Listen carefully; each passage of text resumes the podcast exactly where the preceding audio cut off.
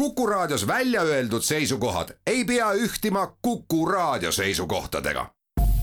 Te kuulate Kuku Raadiot.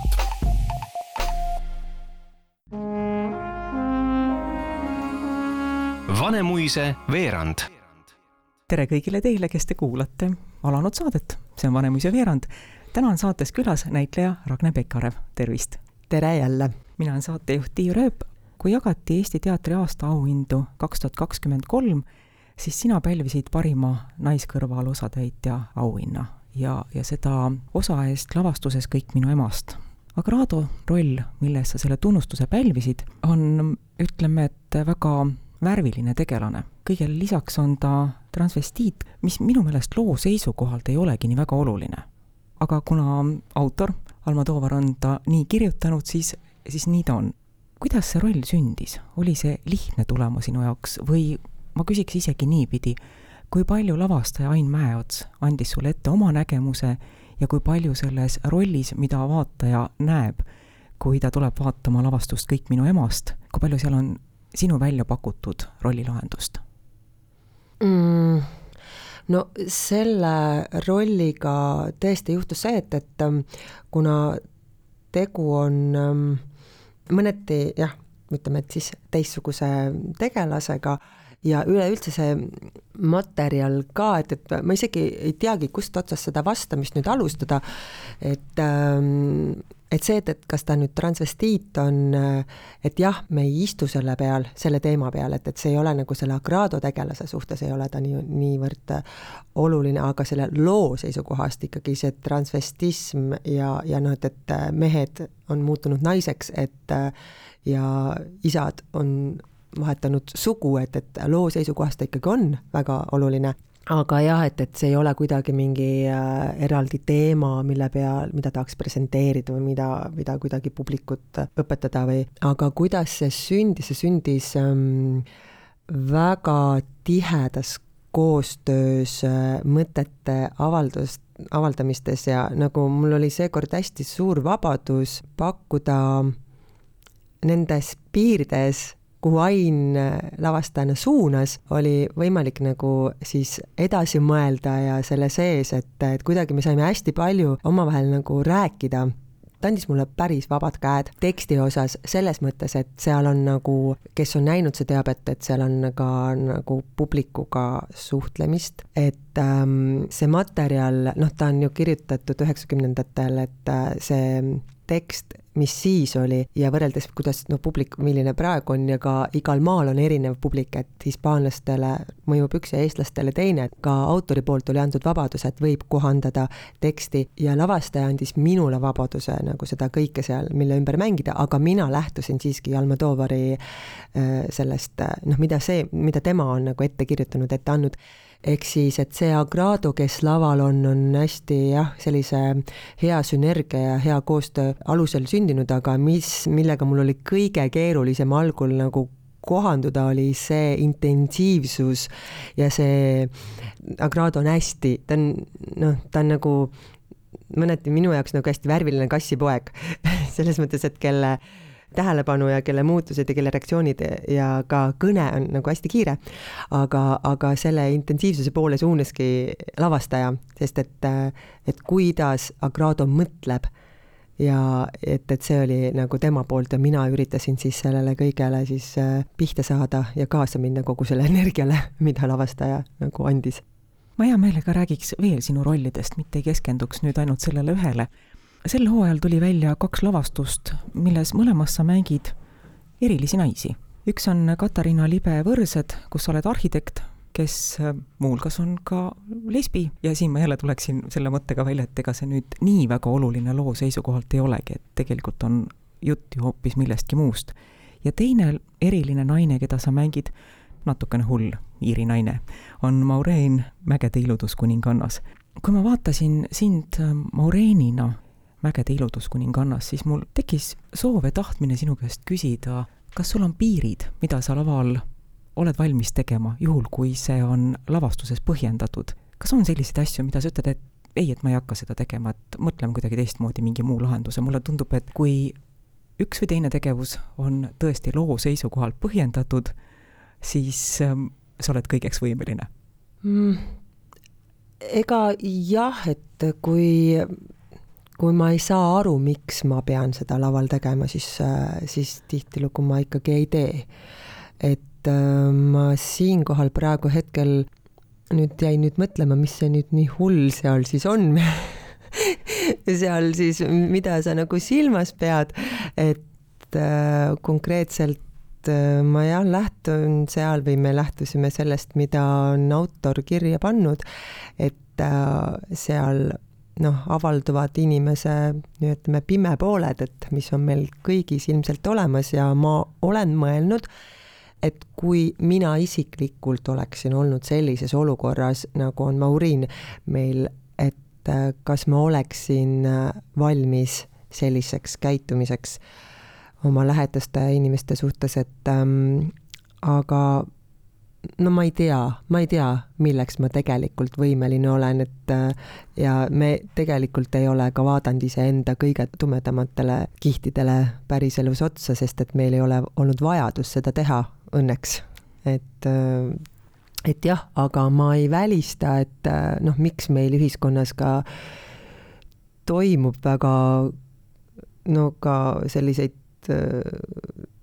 ma ei oskagi, kuidas seda nüüd nimetada, et, et noh, meil on igasuguseid inimesi, igasuguseid lugusid on, et, et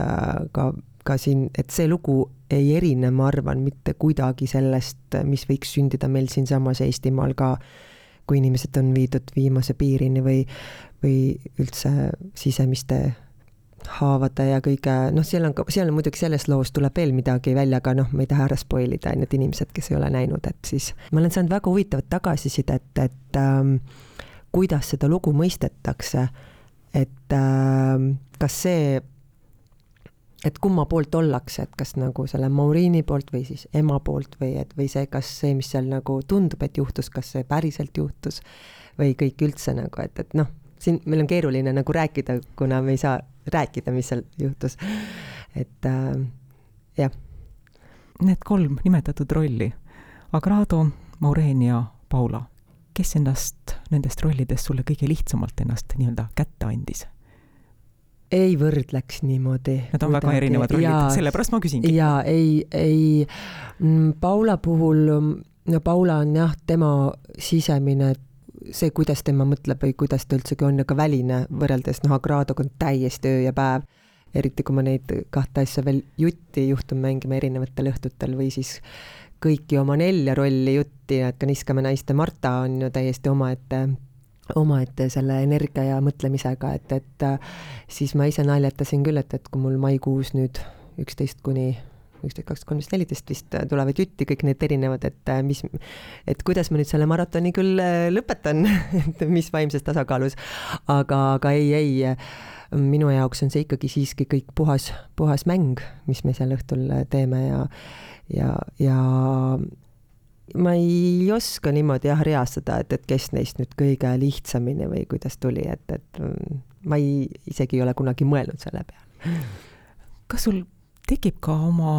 rolli suhtes, keda sa mängid, vahest kaastunne? sul on lihtsalt sellest inimesest inimlikult kahju, et ta on nii sõlmes, et ta on mängitud sellisesse olukorda?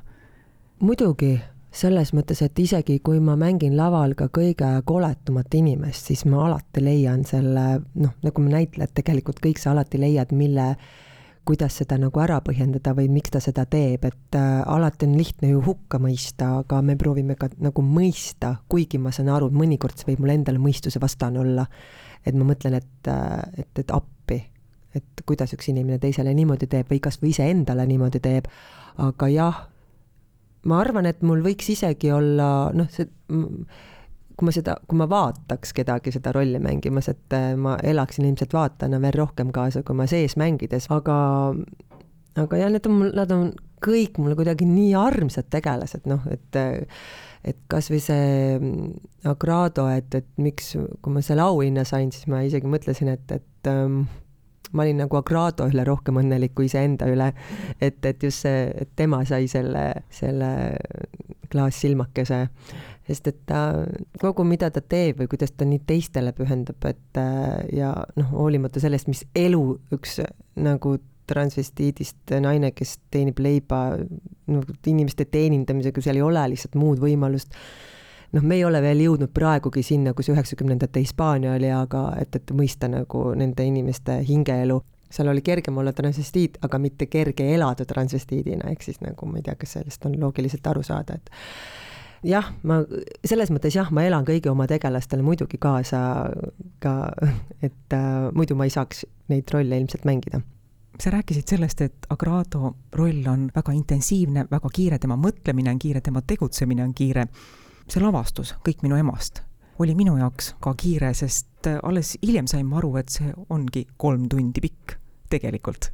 Jah, ja nii ongi, ma ise ka nagu vaatan lava kõrvalt, imetlen äh, oma partnereid, kes noh, meil lugu jookseb nii hästi, et aga inimestel teki-, on tavaliselt see hirm, et lähevad piletit ostma, vaatavad kolm, kolm tundi kakskümmend minutit, et, et ei olegi sõna komöödia ega midagi sellist, et mingi